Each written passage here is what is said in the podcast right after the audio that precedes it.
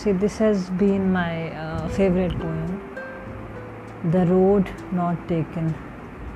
I took the road less traveled by, and it made all the difference.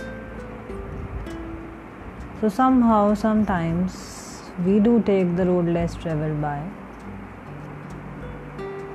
We come across a lot of hurdles, and to a few of the hurdles, by hard work, we say them goodbye.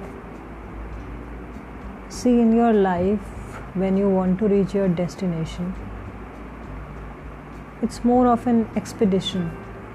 It's not that easy, it's not that uh, simple. At a lot of points, you'll feel a lot, lot of, you know, drowsiness. You'll feel that the things are not as it seems to be, and all that glitters is not gold and not everything will have many folds. So, when you come across such situations, just decide why you want to walk on this path.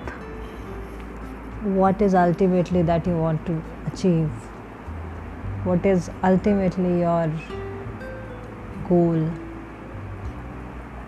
What is ultimately that you want to accomplish? the road will not have any end and your journey will not finish. The road of life is too ahead of times. It's so uncertain. But make sure that when you want to reach that destination, it is worth of all that pain.